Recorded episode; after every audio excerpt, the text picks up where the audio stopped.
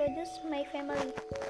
I live in a simple family like people in general. I have one father and one mother. I also have one older brother who now studies at Hammer, and I myself go to junior high school one Toli Toli.